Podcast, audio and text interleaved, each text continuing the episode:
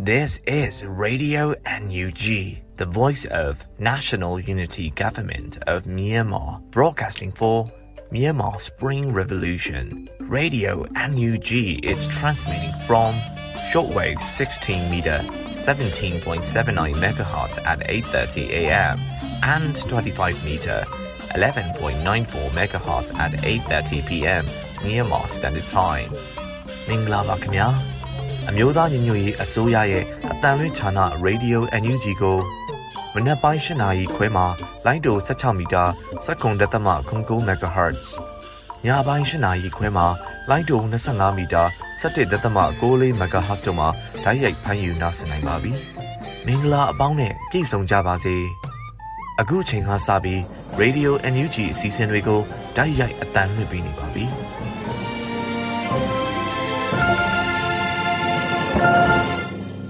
မြန်မာနိုင်ငံသူနိုင်ငံသားအပေါင်းတဘာဝပြီးစစ်အာဏာရှင်ဘေးတို့ကနေကင်းဝေးပြီးကိုစိတ်နှပါကြမ်းမှလုံခြုံကြပါစေလို့ Radio NUG အဖွဲ့သားများကဆုတောင်းမေတ္တာပို့သလာရပါတယ်ရှင်။ကာကွယ်ဦးညီဌာနရဲ့စီရေးတည်အချင်းချုပ်ကိုရန်နိုင်မှတင်ဆက်ပေးမှာဖြစ်ပါတယ်ရှင်။ကာကွယ်ဝန်ကြီးဌာနအမျိုးသားညီညွတ်ရေးဆိုရမှထုတ်ဝေတဲ့နေ့စဉ်စစ်ရေးတည်အချင်းချုပ်ကိုကျွန်တော်ရန်နိုင်ကတင်ဆက်ပေးပါတော့မယ်။ စစ်ကောင်စီနဲ့တိုက်ပွဲဖြစ်ပွားမှုသတင်းကိုတင်ဆက်ပေးပါမယ်။စကိုင်းတိုင်းမှာဇန်နဝါရီလ28ရက်နေ့ကမြောင်မြို့နယ်တမာစည်းကန်ကြီးရွာကလာတဲ့စစ်ကောင်စီတပ်သား40ခန်းကိုဒေသကာကွယ်ရေးတပ်ဖွဲ့များကမိုင်းဆွဲတိုက်ခိုက်ခဲ့ရမှာစစ်ကောင်စီတပ်သား၄ဦးသေဆုံးပြီးအများပြားဒဏ်ရာရရှိခဲ့ပါတယ်ခင်ဗျာ။မကွေးတိုင်းမှာတော့ဇန်နဝါရီလ29ရက်နေ့မနက်10:00နာရီချိန်ခန့်ကဂံကောမြို့နယ်ဂံကောကလေးလမ်းပိုင်းမိုင်းတိုင်းအမှတ် နှစ်နားမှာကင်းလှည့်နေတဲ့စစ်ကောင်စီရဲကားနှစ်စီးကို PDF ဂန်ကောကမိုင်းခွဲတိုက်ခတ်ခဲ့ရမှာရဲ9ဦးထပ်မံအပြင်းအထန်ဒဏ်ရာရရှိခဲ့ပါတယ်။ဇန်နဝါရီလ29ရက်နေ့နေ့လယ်တနာရီချိန်ခန့်ကရေစကြိုမြို့နယ်ကျေးရွာတစ်ခုနီးမှာစစ်ကောင်စီကားတစ်စီးကိုပြည်သူ့ကာကွယ်ရေးတပ်ဖွဲ့ရေစကြို PDF YSO ကမိုင်းဆွဲတိုက်ခိုက်ခဲ့ပါတယ်ခင်ဗျာ။ စစ်ကောင်စီကကျူးလွန်တဲ့ရာဇဝတ်မှုများကိုလည်းတင်ဆက်ပေးပါောင်းမယ်။စကိုင်းတိုင်းမှာတော့ဇန်နဝါရီလ29ရက်နေ့မနက်10:30မိနစ်30ချိန်ခန့်ကမုံရွာမြို့နယ်တက်ကြဲချင်းကျေးရွာအရှိဘက်မှာစစ်ကောင်စီများကဒေသခံများပိုင်တဲသုံးလုံးကိုမီးရှို့ဖျက်ဆီးခဲ့ပြီးပြည်သူ9ဦးအားဖမ်းဆီးကာဒေသခံတဦးကိုလည်းတပ်ဖြတ်ခဲ့ပါလေခင်ဗျာ။မကွေးတိုင်းမှာတော့ဇန်နဝါရီလ29ရက်နေ့ကမြိုင်မြို့နယ်နဲ့ပေါင်းမြို့နယ်ဆက်လက်ပံတို့ရွာနီမှာ စိုက်ကယ်စီးလာတဲ့အမျိုးသားနှစ်ဦးကိုစစ်ကောင်စီတပ်သားများကတလက်နဲ့ပစ်တက်ခဲ့ကြပါတယ်ခင်ဗျာအခုတင်ဆက်ပေးခဲ့တဲ့နေ့စဉ်စစ်ရေးသတင်းအချင်းချုပ်များကိုတော့မြေပြင်သတင်းတာဝန်ခံများနဲ့သတင်းဌာနများမှဖော်ပြလာတဲ့အချက်အလက်များပေါ်မှာအခြေခံပြုစုထားတာပဲဖြစ်ပါတယ်ကျွန်တော်ကတော့ရန်နိုင်ပါခင်ဗျာ Radio NUG မှဆက်လက်အသံလွှင့်နေပါတယ်။အခုဆက်လက်ပြီးနောက်ဆုံးရပြည်တွင်းသတင်းများကိုຫນွေဦးမောင်မှတင်ဆက်ပေးမှာဖြစ်ပါတယ်ရှင်။အခုတင်ပြပေးမယ့်သတင်းတွေကတော့ Radio NUG သတင်းတာဝန်ခံတွေနဲ့ခိုင်လုံသောမိဖက်သတင်းရင်းမြစ်တွေမှာအခြေခံထားတာဖြစ်ပါတယ်။ကျွန်တော်ကတော့ຫນွေဦးမောင်ပါ။ ပြည်ထောင်စုသမ္မတမြန်မာနိုင်ငံတော်အမျိုးသားညီညွတ်ရေးအစိုးရဂျားကာလပြည်သူ့တရားစီရင်ရေးဖော်ဆောင်မှုကော်မတီဖွဲ့စည်းခြင်းအကြောင်းအရာကိုတင်ဆက်ပေးပါမယ်။2022ခုနှစ်ဇန်နဝါရီလ28ရက်ထုတ်ပြန်ကြေညာချက်အရဒေါ်လာရေးအတွက်အထောက်အကူဖြစ်စေပြီးလွတ်လပ်သည့်ဂျားကာလတရားစီရင်ရေးမန်တိုင်တရက်ကိုဖွဲ့စည်းတည်ထောင်နိုင်ရန်အလို့ငါဂျားကာလပြည်သူ့တရားစီရင်ရေးဖော်ဆောင်မှုကော်မတီအားအောက်ပါအတိုင်းဖွဲ့စည်းလိုက်သည်။ဥက္ကဋ္ဌအနေဖြင့်ပြည်ထောင်စုဝန်ကြီးချုပ် ဒုတိယဥက္ကဋ္ဌတစ်အနေဖြင့်ပြည်ထောင်စုလွှတ်တော်ကိုစားပြုကော်မတီဥက္ကဋ္ဌဒုတိယဥက္ကဋ္ဌနှစ်အနေဖြင့်ပြည်ထောင်စုဝန်ကြီးတရားရေးဝန်ကြီးဌာနအဖွဲ့ဝင်အနေဖြင့်ပြည်ထောင်စုဝန်ကြီးကာကွယ်ရေးဝန်ကြီးဌာနပြည်ထောင်စုဝန်ကြီးပြည်ထရေးနှင့်လူဝင်မှုကြီးကြပ်ရေးဝန်ကြီးဌာနပြည်ထောင်စုဝန်ကြီးလူ့အခွင့်အရေးဆိုင်ရာဝန်ကြီးဌာနပြည်ထောင်စုဝန်ကြီး Federal ရေးရာဝန်ကြီးဌာနပြည်ထောင်စုလွှတ်တော်ကိုစားပြုကော်မတီဥပဒေရေးရာကော်မတီဥက္ကဋ္ဌ ဒုတိယဝန်ကြီးကာကွယ်ရေးဝန်ကြီးဌာနဒုတိယဝန်ကြီးပြည်ထရေးနှင့်လူဝင်မှုကြီးကြပ်ရေးဝန်ကြီးဌာနဒုတိယဝန်ကြီးလူ့အခွင့်အရေးဆိုင်ရာဝန်ကြီးဌာနဒုတိယဝန်ကြီး Federal ရေးရာဝန်ကြီးဌာနဥပဒေပညာရှင်တို့ဦးအတွင်းရေးမှုအနေဖြင့်အမြဲတမ်းအတွင်းဝန်တရားရေးဝန်ကြီးဌာနတို့မှတာဝန်ယူဆောင်ရွက်ပေးသွားမှာဖြစ်ပါတယ်။ယခုလိုဂျားကာလပြည်သူတရားစီရင်ရေးဖော်ဆောင်မှုကော်မတီဖွဲ့စည်းခြင်းအားအမျိုးသားညီညွတ်ရေးအစိုးရယာယီသမရဒူးဝါလက်ရှိလာမှ လက်မှတ်ရေးထိုးအတည်ပြုကြေညာပေးခဲ့ပါတယ်ခင်ဗျာမြန်မာနိုင်ငံကျန်းမာရေးလှုပ်သားများရဲ့ရဲဝံသက်သိရှိမှုကိုဂုဏ်ပြုနိုင်ရေးအတွက် #Myanmar's Health Matters Social Media Hashtag Campaign တွင်ပါဝင်ဆင်နွှဲရန်ဖိတ်ခေါ်ခြင်းအကြောင်းကိုပြောပြပေးပါမယ်။ အကြမ်းဖက်စစ်ကောင်စီ၏ဖိနှိပ်ရက်စက်မှုများအခက်အခဲများရှိသည့်တိုင်ပြည်သူတို့အားနီလန်းအသွဲသွဲဖြင့်ပြုစုကုသစောင့်ရှောက်လျက်ရှိသောကျန်းမာရေးလုပ်ငန်းများနှင့်ကျန်းမာရေးလုပ်သားများကိုအားပေးဂုဏ်ပြုတဲ့အနေဖြင့်လူမှုကွန်ရက်များအသုံးပြု၍အွန်လိုင်းလှုပ်ရှားမှုတရက်အွန်လိုင်းကမ်ပိန်းကိုလှုပ်ဆောင်ပေးရန်အတွက်အမျိုးသားညီညွတ်ရေးအစိုးရကျန်းမာရေးဝန်ကြီးဌာနကစော်ဩလိုက်ပါတယ်။ယခုလှုပ်ရှားမှုမှာအောက်ပါအချက်များကိုပြုလုပ်ပြီးပါဝင်နိုင်မှာဖြစ်ပါတယ်။ နောက်ခံအနီရောင်ဖြင့်ရိုက်ကူးထားသောမိမိ၏ဓာတ်ပုံကိုမိမိ၏လူမှုကွန်ရက်များ Facebook, Instagram, Twitter စသည်တို့တွင် profile picture ယာယီထားရှိပေးရန်2022ခုနှစ်ဖေဖော်ဝါရီလပထမရက်တက်သက်ပတ်တာကာလဖြစ်တဲ့တရက်2လ2022ရက်နေ့မှ9ရက်2လ2022ရက်နေ့အထိအနည်းဆုံးတစ်ပတ်ခန့် profile picture ထားရှိရန်ဖြစ်ပြီးဖေဖော်ဝါရီလတလတာသို့မဟုတ်ရက်အကန့်အသတ်မရှိလဲဆက်လက်ထားရှိနိုင်ပါတယ်။ အနီရောင်နံရံသို့မဟုတ်ခန်းစည်းကလကာလိုက်ကာကိုနောက်ခံထား၍တပ်ပုံရိုက်ခြင်းသို့မဟုတ်ဤပညာအသုံးပြု၍နောက်ခံအယောင်ပြောင်းလဲခြင်းများကိုလှုပ်ဆောင်နိုင်ပါတယ်။ Zoom သို့မဟုတ် Microsoft Teams တွင်ဝင်ရောက်၍လည်း virtual background အနီရောင်အသုံးပြု၍ screenshot ပြုလုပ်နိုင်ပါတယ်။ပြီးလျှင်မိမိရဲ့ဓာတ်ပုံနဲ့အတူ #Myanmar's Health Matter ဟုတွဲရေးပြီးတင်ရပါမယ်။ကျန်းမာရေးစောင့်ရှောက်မှုလုပ်ငန်းများ၌ကိုယ်တိုင်ပါဝင်နေပါကထိုလှုပ်ရှားမှုဓာတ်ပုံများကိုပါတွဲ၍အသုံးပြုနိုင်ပါတယ်။ ဆက်လက်ပြီးနိုင်ငံတော်အာဏာကိုမတရားစစ်အာဏာသိမ်းတဲ့နေ့ဖြစ်တဲ့ဖေဖော်ဝါရီလ၁ရက်နေ့မှာပြုလုပ်မဲ့ Silent Strike ကိုစစ်ကောင်စီကအလွန်အမင်းကြောက်ရွံ့နေတဲ့အကြောင်းကိုတင်ပြပေးပါမယ်။ယခုရက်ပိုင်းများတွင်လာမယ့်ဖေဖော်ဝါရီလ၁ရက်နေ့မှာပြုလုပ်မဲ့ Silent Strike ပြုလုပ်မဲ့အကြောင်းစောဩမှုတွေရှိနေကြသလိုစစ်ကောင်စီကအလွန်အမင်းကြောက်ရွံ့နေကြပြီးတားဆီးဖို့အလွန်အမင်းစ조사နေတာတွေ့ရှိရပါတယ်။သူတို့ဌာနဆိုင်ရာများကလာမယ့်ဖေဖော်ဝါရီလ၁ရက်နေ့တွင် Silent Strike တွင်ပြည်သူများမပါဝင်အောင်စာရီထုတ်ဝေခြင်း ရက်ကွက်များတွင်အတန်ချက်ဆက်ဖြင့်လိုက်လံကြီးညာနေခြင်းစာရွက်များလိုက်လံကတ်နေခြင်းစသည့်နည်းမျိုးစုံဖြင့်အသုံးပြုနေပါတယ်။သူတို့စာများတွင် NUG, CRPH နှင့်ရင်းတို့လက်အောက်ခံအဖွဲ့များက Silent Strike များလှုပ်ဆောင်ရန်လှုံ့ဆော်နေသည်ဟုမှားယွင်းစွာဆွတ်ဆွဲထားပြီးလက်တွေ့မှာပြည်သူတရက်လုံးကမတရားအာဏာသိမ်းတဲ့စစ်ကောင်စီကိုမထောက်ခံကြောင်းမလိုလားကြောင်းပြသတဲ့အနေနဲ့ပြုလုပ်ကြတာဖြစ်ပါတယ်။ ရန်ကုန်မြို့တွင်ပျောက်ကြားတပိတ်လှုပ်ရှားမှုများကိုလှုပ်ဆောင်နေတဲ့ကိုနန်းလင်းကမိဘပြည်သူများခင်ဗျာဖေဖော်ဝါရီလ၁ရက်နေ့အတန်တိတ်လူလူအာနာပီစာရေးတိုက်ပွဲဟာအင်မတန်အရေးပါတာမို့လူတိုင်းလူတိုင်းလဲနေလေအောင်မြင်းဆောင်မကြံပါဝင်ကြပါရန်ကုန်လူထုကြီးကဒီအတန်တိတ်တပိတ်ရဲ့ရှေ့နှမ်းမျက်နှာစာပဲမို့ရန်ကုန်ပြည်သူများအနေနဲ့အဲ့ဒီမှာတိုက်ပွဲဝင်စိတ်အပြည့်နဲ့တိုက်ပွဲဝင်ပါ အဲ့ဒီမှာရလာမဲ့အောင်စိမ့်နဲ့အောင်လန်ကိုကင်ဆွဲပြီးအမြင့်ဆုံးလွှင့်ထူလို့လူထုတိုက်ပွဲကိုအရှိန်မြင့်ပြည်သူတော်လှန်ရေးကိုအောင်ပွဲရအောင်ဆက်နွှဲကြရပါမယ်ခင်ဗျာပြည်သူတိုင်းဟာတပိတ်ပြောက်ကြားပြည်သူတိုင်းဟာတပိတ်သမားပြည်သူတိုင်းဟာတော်လှန်ရေးသမားပြည်သူတိုင်းရဲ့နေစဉ်ဘဝဟာတော်လှန်ရေးအတွက်တဒတ်တအားဖြစ်စေရဖို့အချိန်တန်ပြီဖြစ်ပါတယ်ပြည်သူအာဏာပြည်သူပိုင်ဆိုးတယ်ဆိုတာကို ပြသကြပါပြည်သူဒီတာအခရာအရာရာကိုပြောင်းလဲနိုင်တဲ့ ပြည်သူပိုင်တဲ့ပြည်သူတော်လှန်ရေးကြီးအောင်ရမယ်လို့သူ့ရဲ့လူမှုကွန်ရက်မီဒီယာမှာတင်ထားပါတယ်။ဒါအပြင်ယနေ့ဇန်နဝါရီလ28ရက်နေ့တွင်ပလဲလူထုတပိတ်စစ်ကြောင်းချီတက်၍စစ်အာဏာရှင်စတင်တိုက်ဖြတ်ရေးဆန္ဒထုတ်ဖော်ခဲ့ပြီးလာမယ့်ဖေဖော်ဝါရီလ1ရက်နေ့တွင်တနိုင်ငံလုံး Silent Strike တိတ်ဆိတ်ငြိမ်သက်ခြင်းတပိတ်၌ပြည်သူလူထုကညီညီညွတ်ညွတ်ပူးပေါင်းပါဝင်ကြရန်တပိတ်ကော်မတီဝင်ကိုတိုးဝေအောင်ကတပိတ်တရားပြောကြားခဲ့ပါတယ်။ထို့အပြင် အတန်တိတ်တပိတ်နဲ့ပတ်သက်ပြီးရက်ရွှေဆိုင်နယ်ဆိုတဲ့နိုင်ငံတော်သမ္မတရုံးဝန်ကြီးဌာနနဲ့ပြည်ထောင်စုလွှတ်တော်ကိုယ်စားလှယ်ပြုကော်မတီ CRPH နာမည်နဲ့ထုတ်ပြန်ချက်အတုတွေဇန်နဝါရီ28ရက်နေ့မှာအင်တာနက်လူမှုမီဒီယာတွေဖြစ်တဲ့ Facebook နဲ့ Telegram တွေမှာအကြမ်းဖက်စစ်အုပ်စုရဲ့ဝါဒဖြန့်ချီရေးအကောင့်တုတွေကဖြန့်ဝေနေတာကိုလည်းတွေ့ရှိရပါတယ်။အခုဆက်လက်ပြီးနိုင်ငံရေးအကျဉ်းသားများဂုဏ်ကြီးစောက်ရှောက်ရေးအသင်း AAPP ကထုတ်ပြန်ထားတဲ့ကြာဆုံးခဲ့ရသူစည်ရင်းနဲ့ဖမ်းဆီးခံစည်ရင်းများကိုတင်ပြပေးပါမယ်။ နိုင်ငံရေးအကျဉ်းသားများကူညီစောင့်ရှောက်ရေးအသင်း AAPP မှကောက်ခံရရှိသည့်အမှတ်တမ်းများအရစစ်အာဏာရှင်တော်လှန်ရေးຫນွေဦးတော်လှန်ရေးကာလအတွင်းကြာဆုံးခဲ့ရသူစုစုပေါင်းမှာယမန်နေ့အထိ1499ဦးရှိခဲ့ပြီဖြစ်ကြောင်းသိရပါတယ်။အဆိုပါအရေးအတွက်သည် AAPP မှကောက်ယူရရှိထားသည့်အရေးအတွက်ဖြစ်ပြီးအမှန်တကယ်ကြာဆုံးသွားသူများမှာအဆိုပါအရေးအတွက်ထပ်ပိုများနေနိုင်ပါတယ်။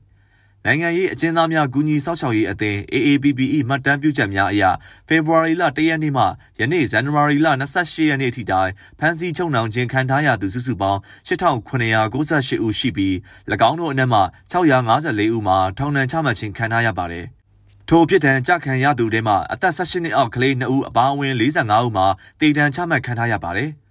ထို့အပြင်ဖမ်းဝရမ်းထုတ်ခြင်းခံရသောကြောင့်ဒိန်းဆောင်နေသူ1968ဦး၏အမည်စင်းကိုလည်းတီးခြားဖော်ပြထားပြီး၎င်းတို့အနက်မှမျက်ကွယ်တေတံချမှတ်ခြင်းခံရသူ39ဦးအပါအဝင်118ဦးမှာမျက်ကွယ်ပြည်တံချမှတ်ခြင်းခံရပါတယ်။တေတံချမှတ်ခံရသူစုစုပေါင်း84ဦးရှိပြီဖြစ်ပါတယ်။လွမြောက်လာသူအရေးအတွက်အတိအကျနဲ့အမည်စင်းမှာချက်ချင်းရရှိရန်လက်လန်းမမီနိုင်သည့်အတွက်အတီးပြုရန်လိုအပ်နေစေဖြစ်ပါတယ်။ မန္တလေးအခြေစိုက်မန္တလေး Free Press MFP သတင်းဌာနတွင်ရုပ်သံတီးဖြတ်ခြင်းလုပ်ငန်းများကိုကူညီလုပ်ကိုင်ပေးနေသောကိုအောင်စောစောသည်ရာဇသက်ကြီးပုံမှ905ကဖြင့်ဇန်နဝါရီလ24ရက်နေ့တွင်တရားစွဲဆိုခြင်းခံခဲ့ရကြောင်းသိရှိရပါသည်။ကိုအောင်စောစောသည်စကိုင်းတိုင်းဒေသကြီးကမ်ဘလူးမြို့နယ်တောက်ကရှက်ကျေးရွာရှိ၎င်း၏နေအိမ်၌ဇန်နဝါရီလ16ရက်နေ့ည8:00နာရီအကန့်တွင်ဖမ်းဆီးခြင်းခံခဲ့ရသည်။ ဇန်နဝါရီလ28ရက်နေ့နနက်၈နာရီခန့်တွင်တနင်္သာရီတိုင်းဒေသကြီးရေဖြူမြို့နယ်ဗရဒတ်ကျေးရွာမှ LND ပါတီဝင်ဦးကျော်ဝင်းခေါ်ဦးဖပလက်ကိုပြူစောတိအဖွဲ့မှဖမ်းဆီးခဲ့ပြီးအနီးရှိတောရင်းတနေရာ၌ညှဉ်းပန်းနှိပ်စက်ခဲ့ပြီးနောက်ပြစ်တက်ခဲ့ကြောင်းသိရသည်။ဦးကျော်ဝင်းခေါ်ဦးဖပလက်သည်၎င်း၏ဥယျာဉ်ခြံတွင်တစ်ပင်များကိုရေလောင်းနေစဉ်ဖမ်းဆီးခံခဲ့ရခြင်းဖြစ်ပါသည်။ဆက်လက်ပြီး ထိုင်းမြန်မာနယ်စပ်ထိုင်းနိုင်ငံဘက်ခြမ်းမှာဖွင့်လှစ်ထားတဲ့မဲကိုကင်းစစ်ဘေးရှောင်စခန်းကိုထိုင်းအာဏာပိုင်တွေကဇန်နဝါရီ28ရက်နေ့ကပိတ်သိမ်းလိုက်ပြီလို့စစ်ဘေးရှောင်တွေစီကတဆင့်သိရပါတယ်။လေးကေကောဒေသမှာစစ်ကောင်စီတွေရဲ့တပ်တွေနဲ့ KNL ပူးပေါင်းတပ်ဖွဲ့တို့တိုက်ပွဲတွေပြင်းထန်ခဲ့တဲ့အတွက်မဲကိုကင်းစစ်ဘေးရှောင်စခန်းမှာရေရွာဆယ်ရွာကထောင်နဲ့ချီတဲ့ဒေသခံတွေဟာစစ်ဘေးရှောင်ခိုလုံနေရာကထိုင်းအာဏာပိုင်တွေကအတုပ်လိုက်ပြန်လည်ဆေးလွတ်ခဲ့ပြီးစခန်းကိုပိတ်သိမ်းလိုက်တာလို့ဆိုပါတယ်။ တက်ခရိုင်မဲဆောက်မြို့နယ်မဟာဝမ်တိုက်နယ်မဲကိုကင်းရွာအနီးယာယီခိုလုံနေတဲ့ဆက်ဆောင်ဒုက္ခတဲ့တွေတရားလောက်ဟာဇန်နဝါရီ28ရက်နေ့ညနေ4နာရီကျော်မှာနောက်ဆုံးအတုပ်အဖြစ်မြန်မာနိုင်ငံဘက်ကိုပြန်သွားကြပြီဖြစ်လို့စခန်းပိတ်သိမ်းလိုက်တာလည်းဖြစ်ပါတယ်။ဆက်ဆောင်ခိုလုံနေရတဲ့ဒေသခံတွေဟာနှစ်ဖက်တိုက်ပွဲတွေဖြစ်ပွားနေသေးတဲ့အတွက်မြန်မာပချမ်းတောင်ရင်မြစ်ကမ်းပြီးမှယာယီတဲထိုးနေရတယ်လို့သိရပါတယ်။ မဲဝါခီကျေးရွာသားတဦးကကျွန်တော်တို့ကရွာပြန်လို့မဖြစ်သေးဘူးအချိန်တွေကမှမကောင်းတာရွာပြန်ရင်တေဖို့ပဲရှိတယ်မပြန်ရဲတော့ကန်းနဘူးမှာယာယီတဲထိုးပြီးနေရတယ်လို့ဆိုပါတယ်စစ်အာဏာသိမ်းမှုတစ်နှစ်ပြည့်ကန်ဒီမှာဒုက္ခသည်အရေးအတွက်ရှော့ချချင်တာကြောင့်ထင်သာမြင်သာရှိတဲ့ထိုင်းနယ်စပ်ကမြန်မာဒုက္ခသည်တွေကိုအတင်းအကျပ်နေရက်ပြန်ခိုင်းတာလို့ဒုက္ခသည်အရေးကူညီပေးနေသူတွေကသုံးသပ်နေကြပါတယ်။ စစ်ကောင်စီအနေနဲ့နိုင်ငံတကာမှာအမြင်ကောင်းအောင်စွမ်းဆောင်နေတာလို့စစ်ပေးဆောင်အရေးကူညီပေးနေတဲ့ဒေါကလူကွန်ရက်အတွင်းရေးမှူးစောရဲအဲ့နာကပြောပါတယ်။ Radio NUG မှဆက်လက်တမ်းလွှင့်နေပါတယ်။အခုဆက်လက်ပြီးပြည်သူခုခံတော်လှန်စစ်တရင်များကိုမင်းနိုင်ຫນွေဦးမှတင်ဆက်ပေးမှာဖြစ်ပါတယ်ရှင်။ပထမအဆုံးအနေနဲ့ရေဖြူတွင်စစ်တပ်နဲ့ PDF တပ်ဖွဲ့များ တိုက်ပွဲဖြစ်ပွားပြီးစစ်သားလေးဦးသေဆုံးတဲ့တဲ့တင်တင်ဆက်ပါမယ်။တနင်္လာရီတိုင်းဒဝဲခရိုင်ရေပြူမြို့နယ်အတွင်းအကြမ်းဖက်စစ်ကောင်စီတပ်ဖွဲ့ဝင်များနဲ့ဒဝဲခရိုင်ပြည်သူ့ကာကွယ်ပူးပေါင်းတပ်တို့ဇန်နဝါရီလ19ရက်မှ23ရက်နေ့အထိနေ့စဉ်တိုက်ပွဲများဖြစ်ပွားခဲ့ပြီးအကြမ်းဖက်စစ်ကောင်စီဘက်မှလေးဦးသေဆုံးတာကိုအတည်ပြုနိုင်ခဲ့ပြီးအတိမပြုတ်နိုင်သေးတဲ့အထိကိအကြရှုံးအများပြားရှိကြောင်းဒဝဲခရိုင်ပြည်သူ့ကာကွယ်ရေးပူးပေါင်းတပ်မှသတင်းထုတ်ပြန်ထားပါတယ်။ တဝဲပြည်သူ့ကာကွယ်တပ်များကဇန်နဝါရီ9ရက်နေ့နနက်9နာရီအချိန်ရဲအိုင်ယာတွင်အကြမ်းဖက်စစ်ကောင်စီတပ်များကိုမိုင်းခွဲတိုက်ခတ်ခဲ့ပြီးစစ်ကောင်စီကားတစ်စီးမိုင်းထိမှန်ခဲ့ကပြည်သူ့ကာကွယ်တပ်ဘက်မှအထိကိမရှိကြောင်းနနက်9:20မိနစ်မှာ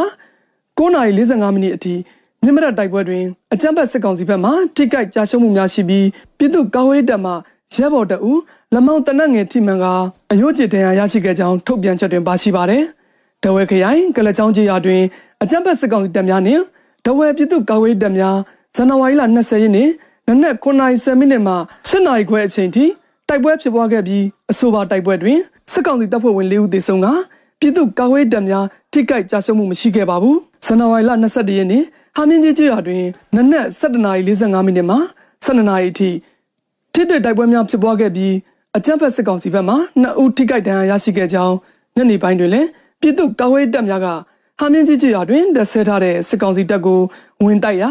စစ်ကောင်စီတပ်ဖွဲ့အများအပြားထိခိုက်ဒဏ်ရာရရှိခဲ့ကြောင်းတဝဲခရိုင်ပြည်သူ့ကာကွယ်ရေးတပ်မှသတင်းထုတ်ပြန်ခဲ့ပါတယ်။ဇန်နဝါရီလ22နှစ်နဲ့23ရက်နေ့များတွင်ပြည်သူ့ကာကွယ်ရေးတပ်များကအကြမ်းဖက်စစ်ကောင်စီရင်နှန်းများကိုမိုင်းခွဲတိုက်ခိုက်မှုများပြုလုပ်ခဲ့ပြီးအကြမ်းဖက်စစ်ကောင်စီတပ်များထိခိုက်ကြဆုံးမှုများရှိခဲ့ပြီးဇန်နဝါရီ20နှစ်23ရက်နေ့များတွင်ပြည်သူ့ကာကွယ်ရေးတပ်များက အကြမ်းဖက်စစ်ကောင်စီရင်နှန်းများကိုမိုင်းခွဲတိုက်ခိုက်မှုများပြုလုပ်ခဲ့ပြီးအကြမ်းဖက်စစ်ကောင်စီတပ်များကအထိခိုက်ကြဆုံးမှုများရှိခဲ့ကဇန်နဝါရီလ22ရက်နေ့ညနေပိုင်းတွင်ပြည်သူ့ကာကွယ်ရေးတပ်များနယ်မြေရှင်းလင်းရာတွင်မူအကြမ်းဖက်စစ်ကောင်စီတပ်များနှင့်ထိတွေ့တိုက်ပွဲများဖြစ်ပွားခဲ့ပြီးပြည်သူ့ကာကွယ်ရေးတပ်ကရဲဘော်2ဦးအဆက်အသွယ်မရဘဲပျောက်ဆုံးနေဆဲဖြစ်ကြောင်းထုတ်ပြန်ချက်တင်ပါရှိပါတယ်။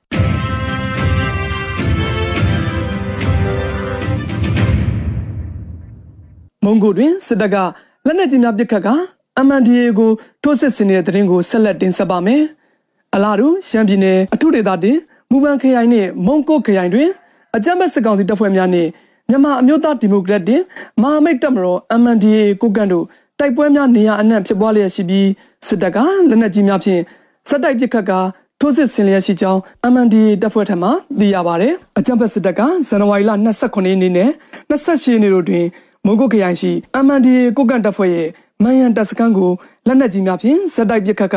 ထိုးစစ်ဆင်တိုက်ခတ်ခဲ့ကြောင်းသိရတာပါထို့ပြင်ဇန်နဝါရီ29ရက်နေ့နနက်8နာရီအချိန်ခန့်စစ်တပ်ကအထုဒေသတစ်မုံကုတ်ခရိုင်လောကြာကြိုက်အနောက်ဘက်တောင်ကုန်းတွင် MNDA ကိုကန်တပ်ဖွဲ့နှင့်မိနစ်40ကျော်ကြာတိုက်ပွဲဖြစ်ပွားခဲ့ပြီးနောက်ညနေ3:24မိနစ်ခန့်တွင် MNDA ကိုကန်တပ်ဖွဲ့ဟာမူပန်ခရိုင်ရှောက်ချန်တို့ဒေသမှထိုးစစ်ဆင်လာတဲ့စစ်ကောင်စီတပ်ဖွဲ့ကိုကြားဖြတ်တိုက်ခိုက်ခဲ့ပြီး ညနေ9:36မိနစ်ခန့်တွင် MNDA ကိုကန်တပ်ဖွဲ့ရဲ့စနိုက်ပါတပ်ဖွဲ့ကမန်တုံဒေသအရှိဘက်တွင်ထိုးစစ်ဆင်ရန်ပြင်ဆင်နေတဲ့စစ်ကောင်စီတပ်ဖွဲ့များကိုပြစ်ခတ်တိုက်ခတ်ခဲ့ကြောင်းသိရပါဗျ။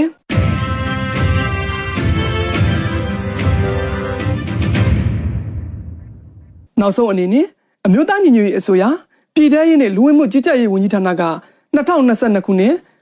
ဇန်နဝါရီလ28ရက်ရက်စွဲနဲ့ထုတ်ပြန်တဲ့ပြည်သူ့ကုကန်ဒေါ်လာစစ်တရင်အချက်လက်တွေကိုတင်ဆက်ပေးသွားမှာပါ။ အာနာသိန်းအကြပ်ပတ်စစ်အုပ်စုရဲ့ပြည်သူလူထုအပေါ်အကြမ်းဖက်ဖိနှိပ်ဖမ်းဆီးတိုက်ခိုက်တပ်ဖြတ်နေမှုများကိုပြည်သူလူထုတရားလုံးကအသက်ရှင်တန်ရေးအတွက်မိမိကိုယ်ကိုမိမိခုခံကာကွယ်ပိုင်ခွင့်အရာပြည်သူခုခံစစ် People Defense War ကိုဆင်နွှဲလျက်ရှိပါတယ်။တရင်အချက်လက်များအရ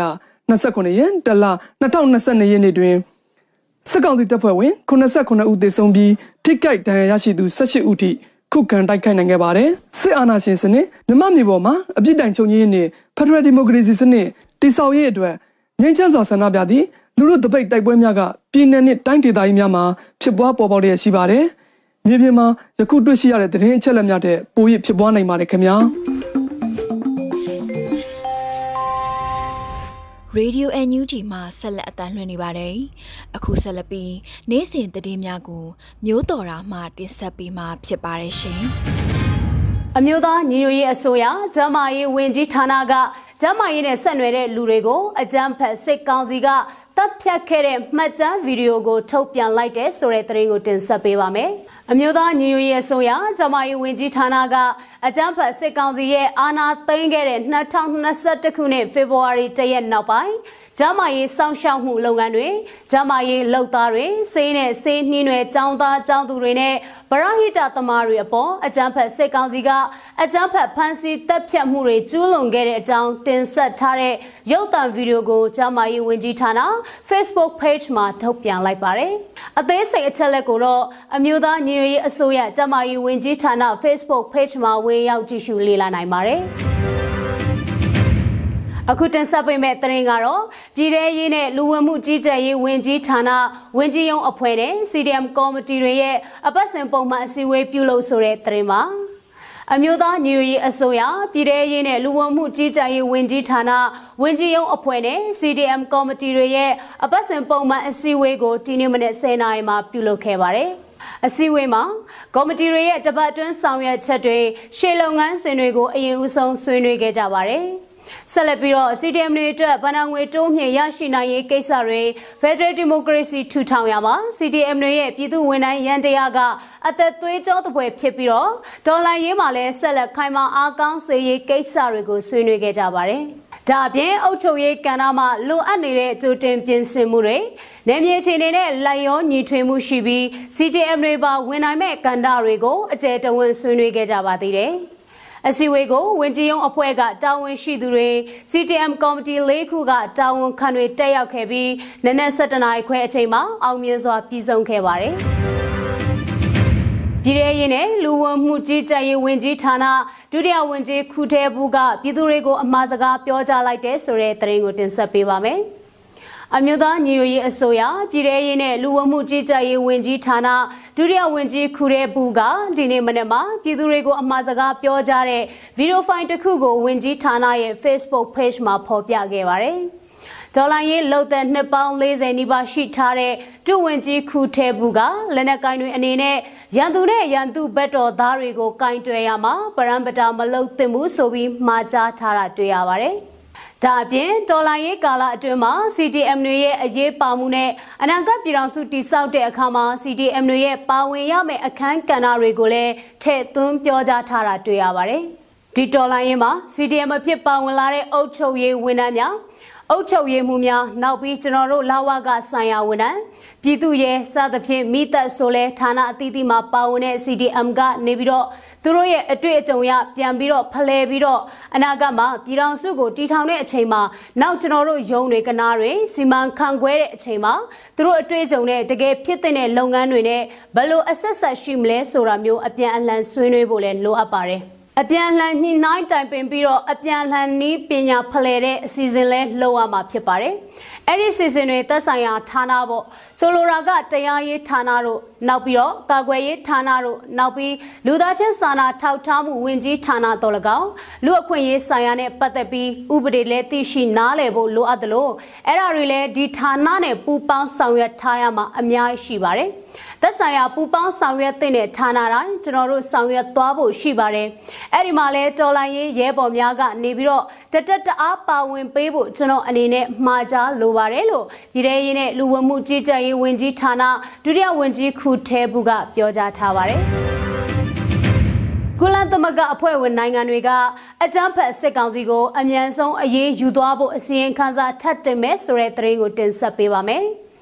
ကုလသမဂ္ဂအဖွဲ့ဝင်နိုင်ငံတွေအနေနဲ့အကြမ်းဖက်စစ်ကောင်စီကိုအချိန်မနှောင်းခင်အမြန်ဆုံးအရေးယူဖို့အတွက်အစီရင်ခံစာတင်ပြသွားမယ်လို့ကုလသမဂ္ဂလူအခွင့်အရေးကောင်စီအထူးအစီရင်ခံစာတင်သွင်းသူအန်ဒရူးကပြောကြားလိုက်ပါတယ်။အမျိုးသားညွေရေးအတိုင်ပင်ခံကောင်စီကပြုလုပ်တဲ့ပြည်သူ့ညီလက်ခံကနေတဆင်မြန်မာပြည်သူတွေကိုအထက်ပါအတိုင်းသတင်းစကားပါလိုက်တာလည်းဖြစ်ပါတယ်။ တရားမဝင်လူမဆန်တဲ့စိတ်ကောင်းစီကိုမဖြစ်မနေတားဆီးပိတ်ပင်ဖို့နိုင်ငံတကာအတိုင်းအဝန်းကိုကျွန်တော်ပြောပါပါ အချိန်မနှောင်းခင်ကုလအဖွဲ့ဝင်နိုင်ငံတွေကစစ်ကောင်စီကိုအရေးယူဖို့နဲ့ခိုင်မာတဲ့ပူပေါင်းဆောင်ရွက်မှုတွေလှုပ်ဆောင်ဖို့လဲတင်ပြအစီရင်ခံသွားမှာပါလို့အန်ဒရူးကပြောကြားလိုက်တာပါအကြမ်းဖက်စစ်တပ်အနေနဲ့ပြည်သူတွေကိုလှုပ်ဆောင်နေတာကစေရာဇဝတ်မှုတွေဖြစ်တဲ့ဆိုပြီးလဲထောက်ပြပြောဆိုထားတာတွေ့ရပြီးအဲ့ဒီအချက်လက်တွေအကုန်စုစည်းပြီးတော့ကုလသမဂ္ဂကိုထပ်မံတင်သွင်းမယ်လို့ဆိုထားပါတယ် ကုလသမဂ္ဂလူအခွင့်အရေးကောင်စီအထူးအစီရင်ခံစာတင်သွင်းသူကတော့နိုင်ငံတကာအတိုင်းအဝန်းနဲ့အကြမ်းဖက်စစ်ကောင်စီကိုလုံးဝအတိအမှတ်မပြုဘဲထားရှိရေးနဲ့အကြမ်းဖက်စစ်တပ်ပေါ်စီးဝင်သွားမဲ့ငွေကြေးတွေကိုတားဆီးပိတ်ပင်ရေးအပါအဝင်ပြည်သူတွေကိုတပ်ဖြတ်ရမှာအသုံးပြုနေတဲ့စစ်လက်နဲ့ခဲယမ်းတွေကိုမယောင်းချရေးမထောက်ပံ့ရေးတို့ကိုလည်းလှုံ့ဆော်ရမယ်လို့ထောက်ပြထားတာလည်းတွေ့ရပါတယ်။ Radio NUG မှာဆက်လက်အသံလွှင့်နေပါတယ်။အခုဆက်လက်ပြီးတိုင်းရင်းသားဘာသာစကားအစီအစဉ်အနေနဲ့ဂျိုးချင်းဘာသာစကားခွဲတစ်ခုဖြစ်တဲ့ဒိုင်းဘာသာစကားဖြင့်တည်င်းထုတ်လွှင့်မှုကိုတင်ဆက်ပေးမှာပဲဖြစ်ပါတယ်ရှင်။ဒီအစီအစဉ်ကို Radio NUG နဲ့ဂျိုးချင်းဘာသာစကားထုတ်လွှင့်မှုအစီအစဉ်အဖွဲ့တို့မှပူးပေါင်းထုတ်လွှင့်တာဖြစ်ပါတယ်ရှင်။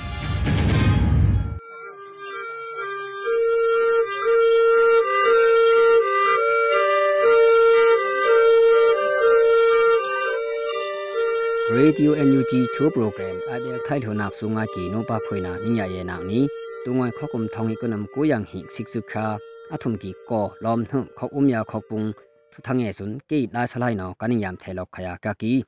ak suk sukang thu thang ta batu min ta lam lam mo khet ki pa se sa ya kang ton sun CTF batu no tu ulu se sam ha thi ki tia thanga ka ki ni batu ak min ta la lo be kia စေ se saya kang tan sun CTF batuno lammang kheki padanga siksu kha athum ki khuk ngoi lam na yi kong yakap ulu se sam ha thilu shalep ke ka ki CTF da aklem ame se saya sun lammang khukip phalok ye tilu CTF tham la bu no thangak pra ka kini ang hina ka thang ta min tam lun heng CTM ko wa ki min tat pakhok um no yam so ki tia thanga ka kini asunam soinak sun siksuka athumki khukung anik prawa kakini CTM ko pokye akyanga aniwan lowai khunchum hiya umung nampung aphu phang mingsalang pet iwai CTM ko waki mtampelum soina powai tilu thangsun hungra kakini pet bewai ku thuk khaya pek up boy no အယပူဝငွေရှင်ရတောင်းပဲကေ CTM ဝါကေရက်ဆုပ်ခိုင်ကေ CTM ကဝါကေနော် anim khya phum tam kham iya khaye ni tilu thang prana ngra ka kini ak thumna ka thang ta khu kho ctf ya se sapu khak ko umung tukna phat khat ki bi value se sa athong thiki tia thanga ka kini khu kho abung makui ya sakain peng khu khon he CTF Chinland Joint Defense Committee CJDC ya sesa yasun khokum thonghi kunum kuyamat phekhang tukna ตุนอีเกียกากีคิงคาวิงตุนากุงเซซาทองัดกุนุงมกูยากอทิกีติลูซีจีทีซีนอ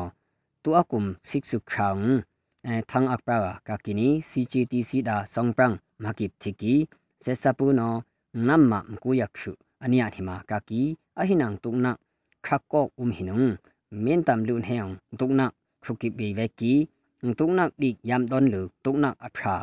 ลอกีติยา ဟဲ CDF Chinlen Joint Defense Committee CJDC ယာဆက်ဆာယဆွန်ခေါကုမ်ထောင်းဟီကနမ်ကူယမတ်ဖက်ခေါင်တုနာတွန်ဣကေကာကီခင်းခါဝင်းတုနာကုံဆက်ဆာထောင်းငတ်ကနုံမကူယကောထိကီတီလူ CJDC နော်တူအကုမ်စစ်စုခေါင်အဲသန်းအပရာကာကီနီ CJDC ဒါဆောင်ပရန်မကိပထိကီဆက်ဆာပူနော်နမ်မမကူယခုအနိယဟိမာကာကီအဟိနန်တုနာခါကောဥမဟိနုံမင်တမ်လွန်ဟဲံတုနခုကိဘေဝဲကီတုနဒီယမ်ဒွန်လူတုနအဖရာလော်ကီတယာမူရာကာကီနီအဖုနာကာသန်းတာမင်တမ်လွန်ဟဲဟာဆက်စပူနောချင်းအမျိုးသားနိခုပခွင်ဟပွိုင်ပေါ်ဝါယာတုကီတယာသငါကာကီနီဆက်စပူဆွနောตัวกุมขกุมทองฮิกนุงมกุยังฮิสิมขังขาอัมหุมกุงพลอกขยาครูบะควิมหบปอยสุนเซซาปูนอปอไขอาสัวครุกครังกงปุยไว တိလူပခောက်အုံနောစိကစခအထုံကီခုံထန်အပရာကကီအဆုနာပွိုင်ပေါ်နာကုံပွင်းပေါကီဆွန်ခွာရဲနီတိလူဇွိနာပေါ်ဝိုင်တိလူအနိကပရာကကီနီအမ်ဟနာကထန်တာခွန်နှုဖုံတုံနာကုံကြောက်ထု PDF ထုံထိကတီတယာထန်အကကီနီစိကစခမကူယံဟျာခုံကူယံဟာဝေခွန်နှုဖုံတုံအန်ဝေကီအဆုအာယေဘောဘူဇောယေဘောဘူယေခေါင် ရဲဘော်ဘူဘီတူထုံတိကယာကကီအဆုနာဖုထာနာလူရတုပေဘိုင်ထုကီတီလူကြောက်ထု BDF နောင်စစ်စုခမ်ကိုရခဲတုံအပနာကကီအခုနာကထန်တာမီဆိုရမငွေတင်းအဖရာဘီကီမဘခန်းအနိမန်ဦးလွတ်လဘဲကီတျာထငါကကီအင်တျာပေယာအနိမန်အဆုနမ်ဘခန်းစွန်းစစ်စုခမ်ကိုရခုကုံငွေမမအနိမနာကကီနီ po ulu india ngui rupi phap phu pelu siksu kham ku yak khung ani thu lo bya kaki asuna khang sun no apena kaki tu ka phu sen ikyang ani puye no aniyak bi lo ngui kalak nak waya ani naman u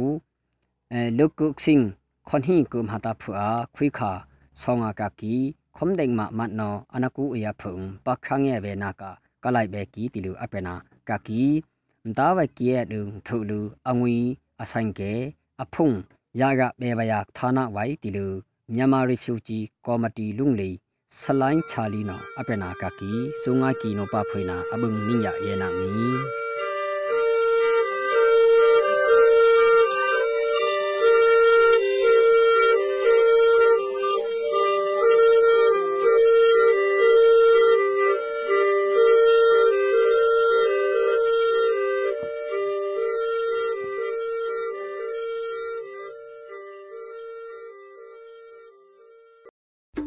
ကနေ့ကတော့ဒီညနေပဲ Radio NUG ရဲ့အစည်းအဝေးတွေကိုခਿੱတရရနိုင်ပါမယ်။မြန်မာစံတော်ချိန်မနက်၈နာရီခွဲနဲ့ည၈နာရီခွဲအချိန်တွေမှာပြန်လည်ဆုံးဖြတ်ကြပါစို့။ Radio NUG ကိုမနက်ပိုင်း၈နာရီခွဲမှာလိုင်းဒို16မီတာ7.3 MHz ညပိုင်း၈နာရီခွဲမှာလိုင်းဒို25မီတာ17.6 MHz တို့မှာဓာတ်ရိုက်ဖမ်းယူနိုင်ပါပြီ။မြန်မာနိုင်ငံသူနိုင်ငံသားများကိုစိတ်နှပြကျန်းမာချမ်းသာလို့ဘေးကင်းလုံခြုံကြပါစေလို့ Radio NUG အဖွဲ့သူအဖွဲ့သားများကဆုတောင်းလိုက်ရပါတယ်။အမျိုးသားညီညွတ်ရေးအစိုးရရဲ့စက်သွေးရေးတရင်အချက်အလက်နဲ့ဤပညာဝန်ကြီးဌာနကထုတ်လွှင့်နေတဲ့ Radio NUG ဖြစ်ပါတယ်။ San Francisco Bay Area အခြေစိုက်မြန်မာမိသားစုများနဲ့နိုင်ငံတကာကစေတနာရှင်များလှုပ်အားပေးများရဲ့ Radio NUG ဖြစ်ပါတယ်။အရေးတော်ပုံအောင်ရမည်